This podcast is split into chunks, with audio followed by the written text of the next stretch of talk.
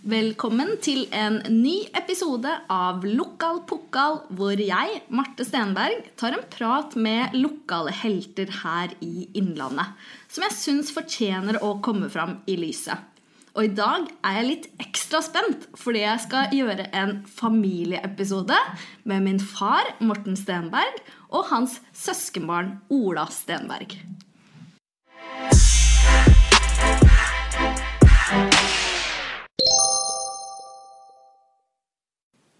Ukens episode av Lokal Pokal er sponset av Hvil vingene dagspa. Unn deg sjøl et velfortjent pusterom i hverdagen. Tusen takk for at dere ville komme, da, pappa og Ola. Takk, takk. Takk, takk.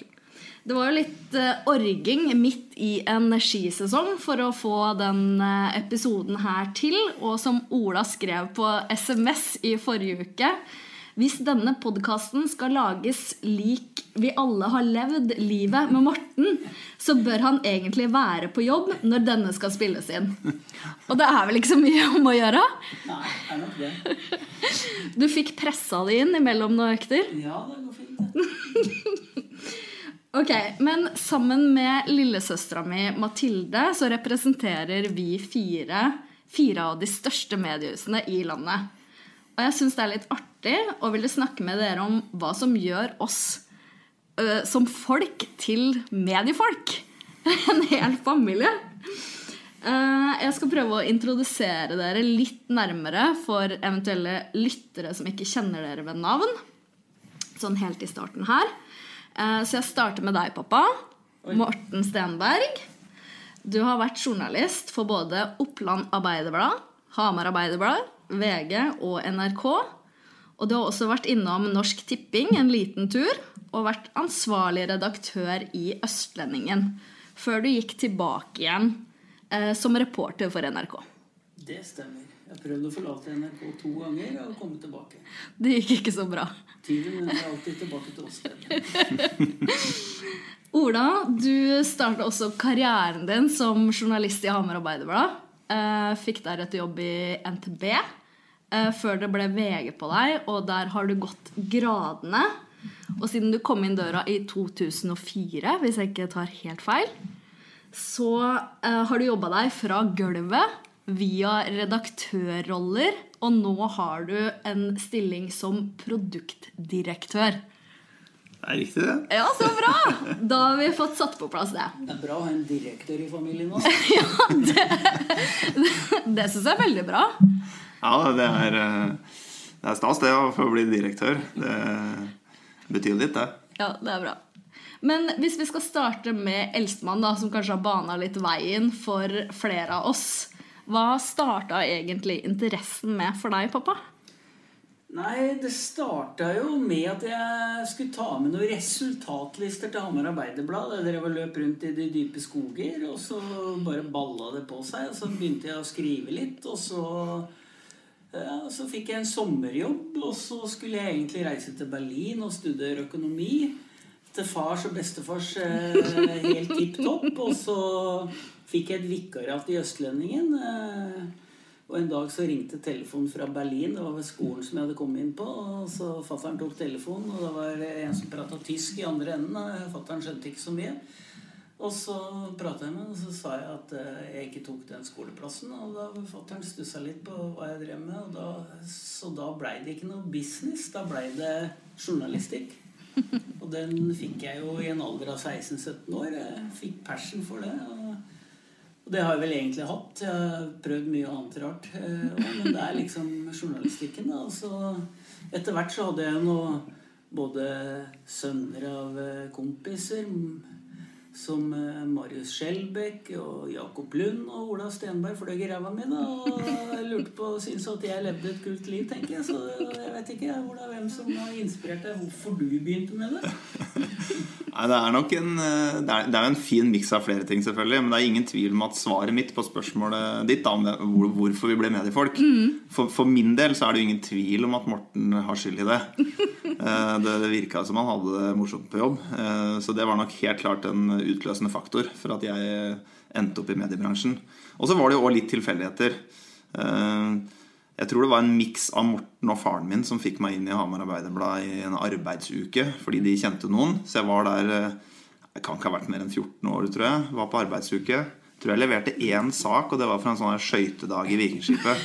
Det går noen historier om den eh, reportasjen i Hamar Arbeiderblad. Det, var, det er ikke det beste jeg har levert. Jeg sørte visstnok ut en kaffe utover notatblokka til Teddy Midtun nå i, i, i, I, i, hvert fall, I Terje. i Terje Midtun, unnskyld. Unnskyld, Ikke sønn, men far Terje Midtun. Den legendariske Terje Midtun. Um, nei, også I forlengelsen av den arbeidsuka så fikk jeg jobb i HA. Eller det vil si, jeg spurte om jobb i HA. Eh, og det husker jeg veldig godt. Det må jeg nesten få fortelle. Fordi det ble litt sånn avgjørende for livet mitt, egentlig, føler jeg. Og det var jo Fikk, fikk mulighet til å komme på et slags intervju i Hamar Arbeiderblad, og da i HA-sporten. Med Roger Skynstad. Ja, det var en miks av Roger Skynstad og Mattis Røne. Det var vel egentlig Mattis Røne jeg skulle til, men jeg tror de bestemte litt begge to. Og da husker jeg at jeg kom inn på kontoret til sportsredaktør Mattis Røne. Det var jo litt sånn spennende. Og så var det jo ingen på det kontoret, fikk bare beskjed om å sette meg der. Og det var nok Roger Skynstad som ba meg gå inn der.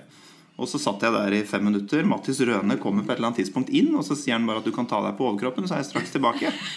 Eh, Som var litt sånn eh, rar start, kanskje, på arbeidslivet. Eh, Så jeg satt der og blomstra litt. da Lurte på hva, hvem denne raringen der var. Kjenner jo litt da via, via faren min, men eh, han kom tilbake og sa at du kan få jobbe her. Du må begynne på gulvet-gulvet. Og det var jo nettopp som Morten sa, det var resultatlister det handla om. Ja, det har jeg også vært borti. Ikke sant? Husk Nå er vi tilbake i en tid hvor det kom eh, både orientering og skyting og håndball på faks. Og så skulle dette her eh, fra faks til datamaskin. Og det var, noe, det var noen datasystemer som var litt annerledes enn i dag. Så det satt og hamra resultater. da. Og det ble på en måte starten på etter hvert en lang, eh, et langt liv i mediebransjen. da. Men helt avgjørende for at, for at det tok fart på et eller annet tidspunkt. Så det er mye å takke Mattis og Roger og co. for, da. Jeg, jeg tror ikke unga våre Sola veit hva en skrivemaskin er.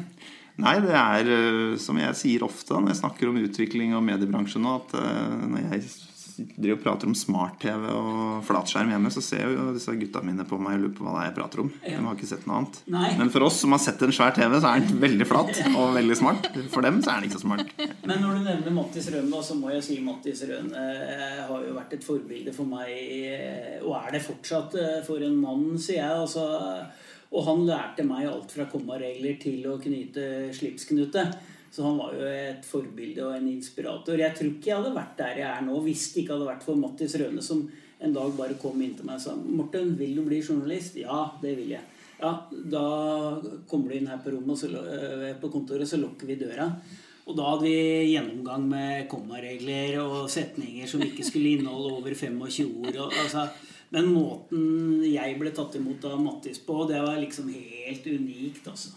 Jeg skriver også under på den, for det er eh, Roger og Mattis som har lært meg da-når-regelen på norsk. Ja. Ja, nei, jeg må henge meg på det. Altså, Mattis er helt, helt matchavgjørende her. Eh, Og eh, to ting jeg liksom har å si om Mattis. Eh, Det ene er at eh, han ga meg sjansen. Og det var ikke helt sånn gitt. Fordi hvis du spør Mattis Røden i dag Jeg lette akkurat på telefonen her, for jeg har noen tekstmeldinger som jeg fikk fra noen nylig. Og, han har vært veldig ærlig med meg over tid på at eh, det, var, det virka helt sjanseløst. eh, For, min del. Eh, Og det var vel omtrent de ordene han brukte òg. Dette her hadde han ikke noe tro på. Og det å få det i trynet som 15-åring i en sportsredaksjon, det var jo ikke bare lett. Så han hadde rett og slett ikke troa på meg. Og var veldig ærlig på det. Og har egentlig sagt det ganske lenge. Men, eh, men så har han også sagt at det skjedde noe på et eller annet tidspunkt. Så det, selv om det ikke satt for meg i starten, så, så løsna det på et eller annet tidspunkt. Da. Men han ga meg sjansen og skal ha masse av skylda æren for at, eh, for at jeg på et eller annet tidspunkt fikk en jobbkarriere i bransjen. Da. Jeg vet, vet jo også at eh, i hvert fall jeg og pappa har jo aldri vært noen eh, norsk gen- genier i norsk rettskriving. Eh, så det har jo vært veldig Altså, for en skole Ja, ja, man fikk jeg- eh, av de gutta der. Jeg er jo definitivt inni den poden her. føler jeg, fordi Det får meg til å tenke på Anne Jacobsen, en annen lokalpokal, norsklæreren min. Um, borte på Børstad, som var jo helt oppgitt over de stilene mine. Og det var så, Hun mente jeg gikk som jomveier på vei til mål at det var helt håpløst. Så var liksom den første som Jeg husker hun på ungdomsskolen sa at du må kalle en spade for en spadeblad. Det tar så mye tid før du kommer til poenget. Og det var vel omtrent noe sånt Mattis Røne sa, at liksom, det må være mulig å forklare dette litt enklere, liksom. Eh, Men jeg må, jeg må si det om Mattis Røne, da, fordi Det husker jeg tenkte på den gangen, og jeg tenkte på det etter jeg slutta i HA, Kanskje ble litt mer sånn voksen som journalist. At han er jo en Han er og var en helt fantastisk skribent. Eh, og jeg husker da jeg begynte i VG på et eller annet tidspunkt og møtte Truls Dæhlie, som er en annen fantastisk skribent. Jeg, annet, Truls Dæhlie hadde jo den der fingerspitsen på å alltid treffe midt i blinken. Og Mattis Røne har det samme talentet. Helt vanvittig flink til å skrive. Og til å liksom treffe, treffe blink da, når han, når han, enten kommenterer noe eller hva det var han holdt på med. da Virker virkelig, virkelig spot on i faget sitt. Men altså, HA, HA Sporten, da, må jeg si, de har jo eh, Nå sitter vi her, Ola, men altså, de har jo fostra eh, Marius Skjelbæk eh, gikk jo sine spede barnsbein der. Og Jakob Lund, 74-årgang fra Vang, som i dag er eh, konserndirektør i, eh, i, kommunikasjon i AstraZeneca. Sånn at eh, det har jo kommet noe bra ut av det. Jeg vet ikke hvor Roger Skynstad endte hen. Ja. Men eh, hva Altså, vi har jo nå fått lagt på bordet at vi har verken vært noe kjenner i norsk eller noe som helst. Men hva er det som Er det genene våre som gjør at journalistyrket passer oss, eller Jeg tror Jeg har tenkt litt på det her, da. Fordi ja. det kan jo være det. Eh, at det er noe med den derre eh, at det er et eller annet i genene som gjør at, eh, at, det ligger for oss å jobbe med journalistikk og medier. Men jeg tror også det er noe med at vi alle begynte å jobbe ganske tidlig. ikke sant? Mm. Og, og, det var jo liksom Det var ikke som vi sier, det var ikke fordi vi var så forferdelig flinke til å skrive. Det var fordi vi hadde lyst til å jobbe. Mm. Og det husker jeg veldig godt fra en tid der. Sikkert samme for deg og Morten og, deg og Marte. at når du tar det valget som veldig ung og begynner å jobbe, så velger du noe bort. Gud vet hvor mange sykkelturer og etter hvert moped og bil som jeg kjøpte meg når ingen andre venner gjorde det. Og så ofra du helger for å skrive orienteringsresultater og skyteresultater. Det var et litt spesielt valg. Men det var jo jobb som brakte penger inn. Så jeg tror heller liksom, kanskje det er noe med det genet. At, at, vi rett og slett er litt glad i å jobbe og, og klare oss sjøl. Og der kan du gå litt tilbake i slekta og finne noen som var glad i det. da. Ikke sant? Så, så det jeg tror egentlig, i hvert fall for min del, handler mest om liksom, lysten på å jobbe hardt. Mm. Tjene dine egne penger. Uh, vi er jo ikke født inn i rikdom, noen av oss. Og det å klare seg sjøl, det er en deilig følelse. Jeg husker jo da jeg gikk på videregående, tredje klasse på videregående da Jeg jobba jo altså Jeg tjente 80 eller var det 90 000 det året. Og det var jo sånn som mattelæreren han måtte ringe ned i HA når det var heldagsprøve, fordi at jeg ikke, hadde ikke møtt opp. Men eh, da visste de det bør ikke ringe hjem, men da satt jeg nede i HA. ikke sant? Så jeg tror det du sier, at eh, du må orke å jobbe, fordi journalistyrket det er ikke noe 9-4-jobb. Eh, du må ha passion for det, du må ha interesse, du må være nysgjerrig. Eh, og så blir det en livsstil. Det jo, jeg, jeg, har jo prøvd som sagt noen andre ting, og det er, funker ikke for meg å sitte på et kontor fra 9 til 4 eller 8 til 4. Altså det, så det er jo den spenninga. Og så er det jo et fantastisk yrke som i, i, hvert fall den reisen jeg har vært med på, den reisen du har vært med på, fra skrivemaskin til, eh, til det digitale som er nå, er jo helt sjukt. Mm. Så, ja. Men apropos liksom våre egenskaper, da, så, og det å være nysgjerrig, så har jo jeg litt sånn eh, rare minner fra jeg var bitte, bitte liten. Alle familieselskaper som vi har hatt opp gjennom hele min oppvekst. Eh, for det første så har det vært høylytte diskusjoner i alle familielag. Det går ikke ett familielag uten at vi har en diskusjon om noe eller noen. Og egentlig bare eh, økt i omfang. ja.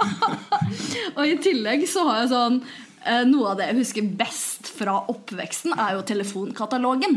Mm. Fordi at hvis vi ikke fant ut en ting av å diskutere oss fram til det, så skulle det ringes. Mm. Det skulle ringes til vi fant svaret. Og jeg tror liksom kanskje en av Uh, de tinga jeg husker best, er den gangen jeg tror pappa endte opp med å ringe en taxisentral langt oppi Gokk for å få svaret på noe. Ja, men det var ringte det taxien i Lom fordi at uh, vi hadde en, vi hadde en uh, kjempediskusjon hvor hvor Knut Hamsun var fra. Og alle sa Hamarøy uti der. Og jeg sa nei, det er ikke der, han er fra Gali, mellom Lom og Vågå. Nei, nei, det var helt. Det var det ingen. Nei, Da var det fram med telefonkatalogen. og Jeg ringte på julekvelden eh, taxisjåføren i Lom, og fikk da han til å bekrefte det. At eh, Knut Hamsuns to første leveår, det var oppi, oppi Lom. Det er jo litt spesielt å litt sitte her på julaften og ringe taxisentralen i Lom. Men her er vi nok inne i en del av den der sausen om hvorfor vi har blitt som vi har blitt og holdt på med det vi holder på med. Det er jo ikke Det er jo ingen uting å være nysgjerrig når du jobber med, med journalistikk og, og medier. Så, så der har du også Det er definitivt også et gen, tror jeg. da Det er Nysgjerrige folk liker å finne ut av ting. Det er jo veldig tilfeldig hva man blir. altså Livet er jo tilfeldig. Holdt jeg på å si alt fra hvem du gifter deg og får unger med, og hvilket yrkesvalg fordi jeg var jo ikke i nærheten av å tenke på journalistikk før det bare plutselig Du, kan ikke du ta med noen resultatlister?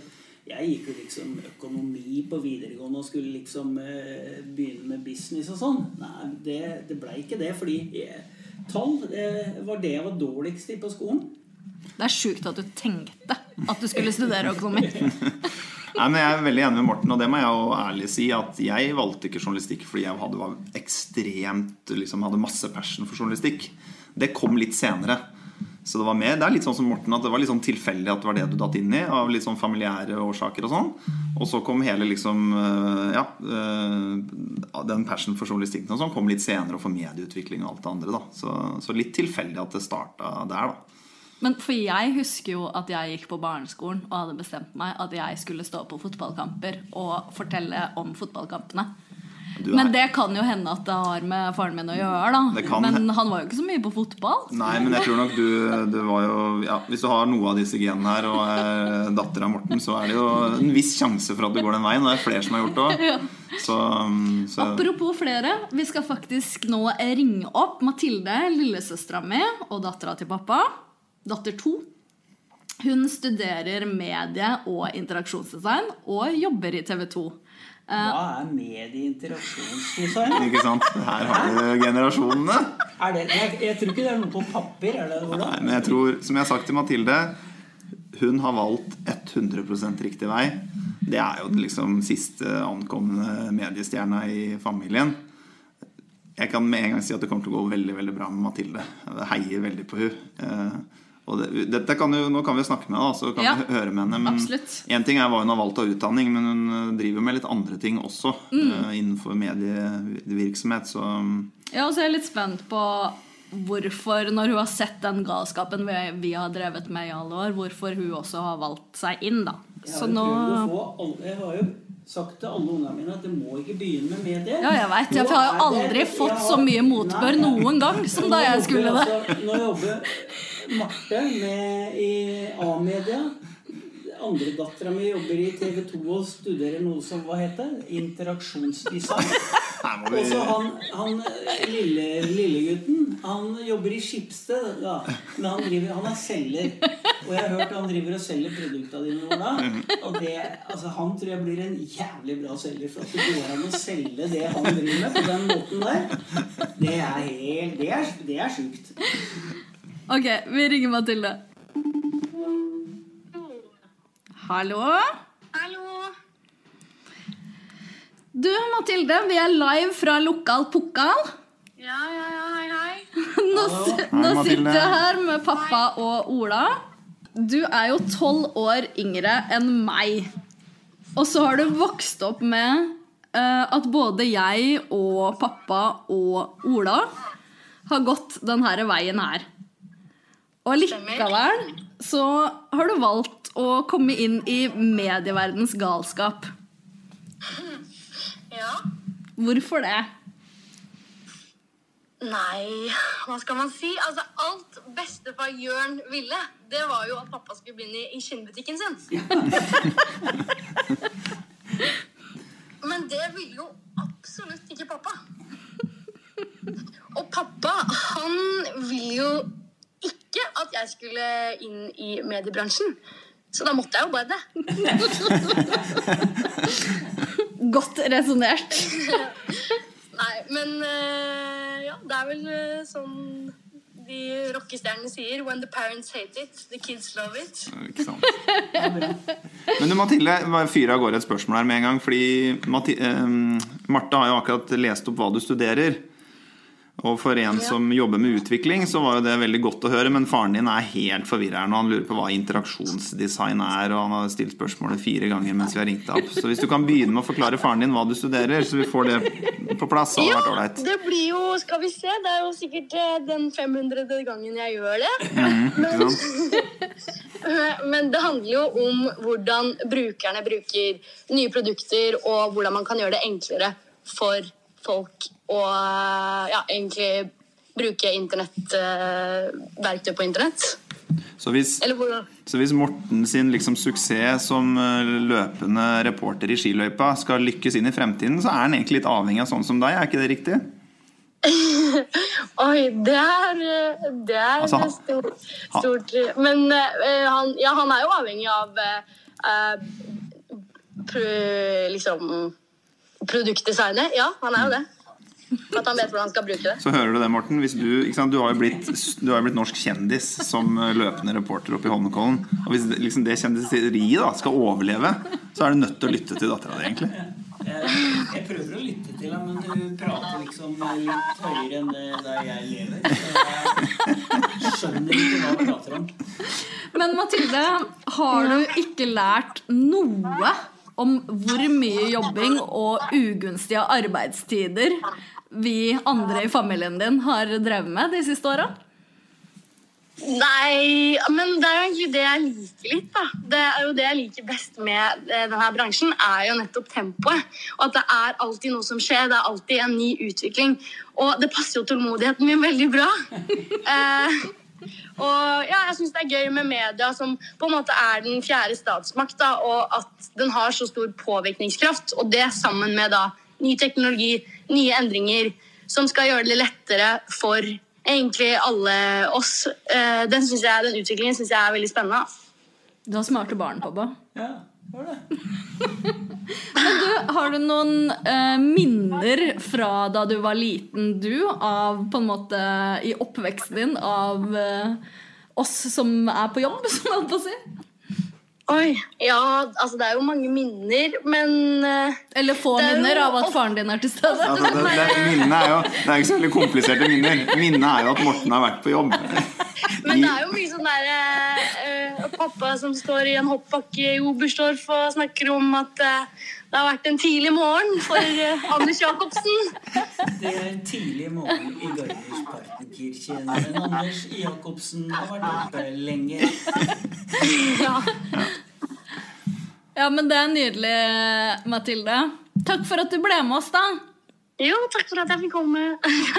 Ha det. Ha det.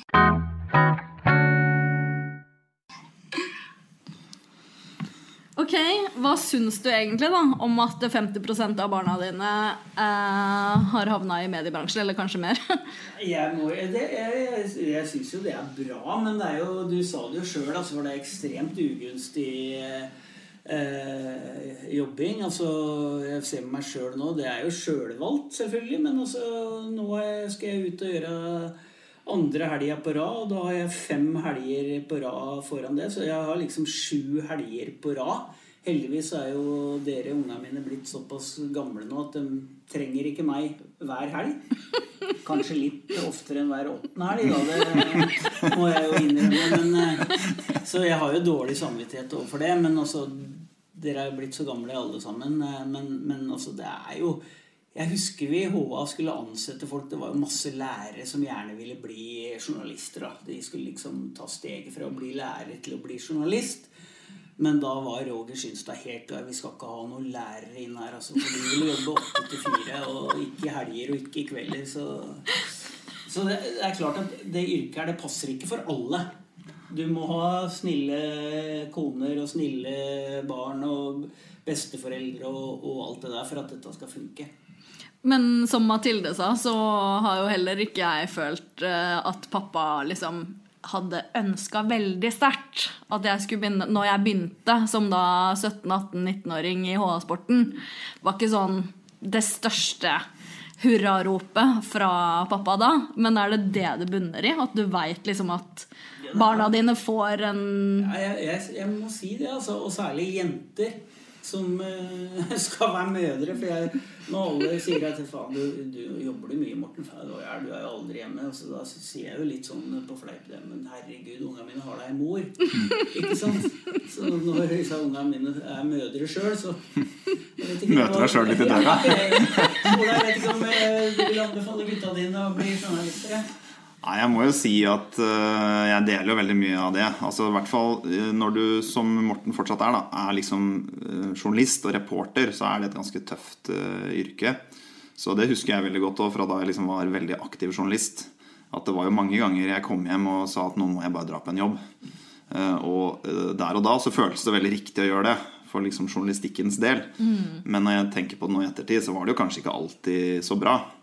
Jeg har jo også en veldig snill eh, jeg kan ikke si kone, men eh, vi skal, vi skal faktisk snart gifte oss etter 25 år. Så, men, eh, ikke sant? Eh, Men, men liksom det å dra Jeg husker jeg dro på en reportasjereise til USA. Var borte i to uker. Måtte dra i hurten og sturten midt på natta. Da var vår eldstemann nå tre måneder, altså vår førstefødte, da, var tre måneder. Og Marianne, snill som hun var, sa jo liksom at det går bra, det. Det ordner seg jo, det. Og når jeg tenker på det nå i ettertid, så var jo ikke, det er jo ikke helt bra, liksom. Pappa var jo ikke med på fødselen til en av unga sine, så jeg vet ikke. Nei, det overrasker meg ikke. Men ikke? Du, det er noe med den der, når du står i sånne valg og føler at liksom yrket ditt er det viktigste, og du liksom er en del av noe, så tar du kanskje noen dårlige valg òg. Så jeg tror det er litt sånn det man tenker på. Men så må jeg også si at liksom alt det som journalistyrket og mediebransjen har gitt meg og oss, tror jeg eh, Det er jo også grunn til å heie på de som velger det. Jeg, Mathilde har jeg tett dialog med nå. Heier jo veldig på den veien hun har gått. Og hun kombinerer jo på en måte journalistikk og utvikling, da, som jeg mener er den perfekte kombo. Så Ja, Og det kan man jo faktisk få en kanskje litt mer behagelig hverdag enn sportsjournalistyrket også, da. definitivt. Det er forskjell på Men det å bli journalist i 2022 kontra i 1982, da jeg ble det, det er jo to forskjellige verdener. Definitivt. Nå må du jo ha en utdannelse. Du trengte jo ikke ungdomsskolen omtrent eh, da jeg var ung.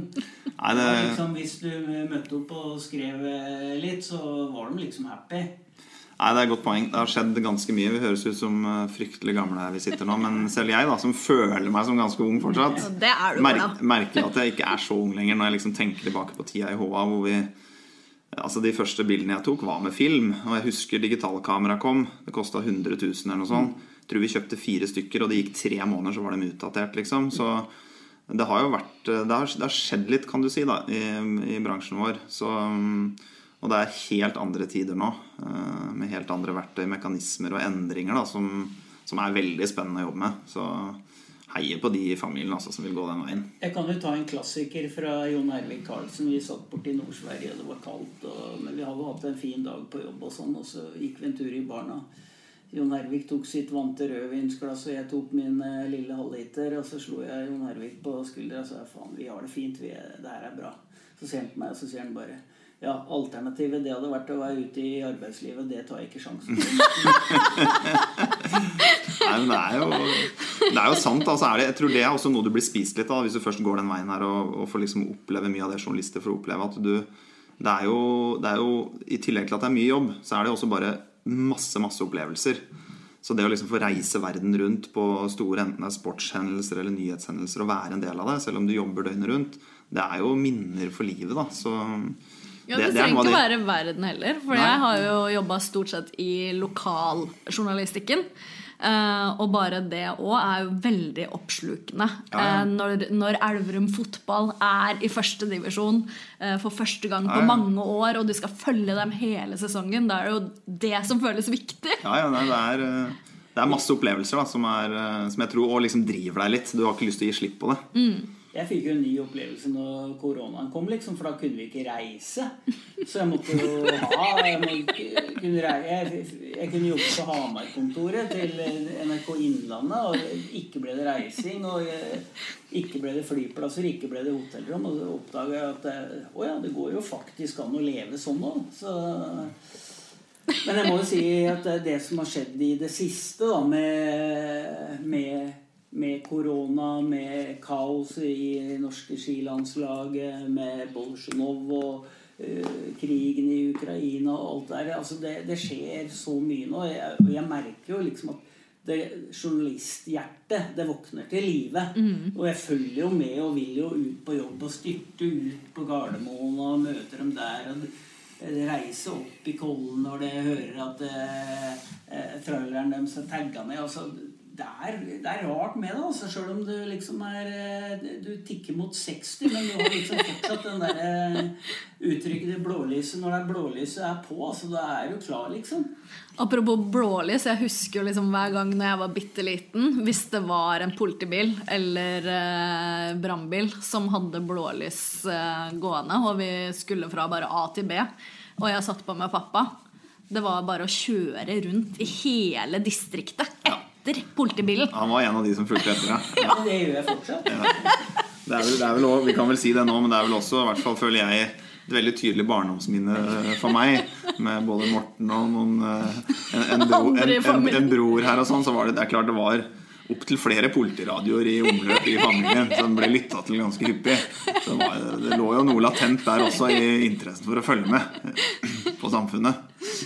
Ok, men vi skal snakke litt mer om karrieren deres etterpå. Men først så skal vi kjøre gjennom et par spørsmål. Ettersom jeg har så snakkesalige og interessante gjester eh, den gangen her, så jeg har jeg valgt å dele episoden i to. Ikke gå glipp av del to neste uke.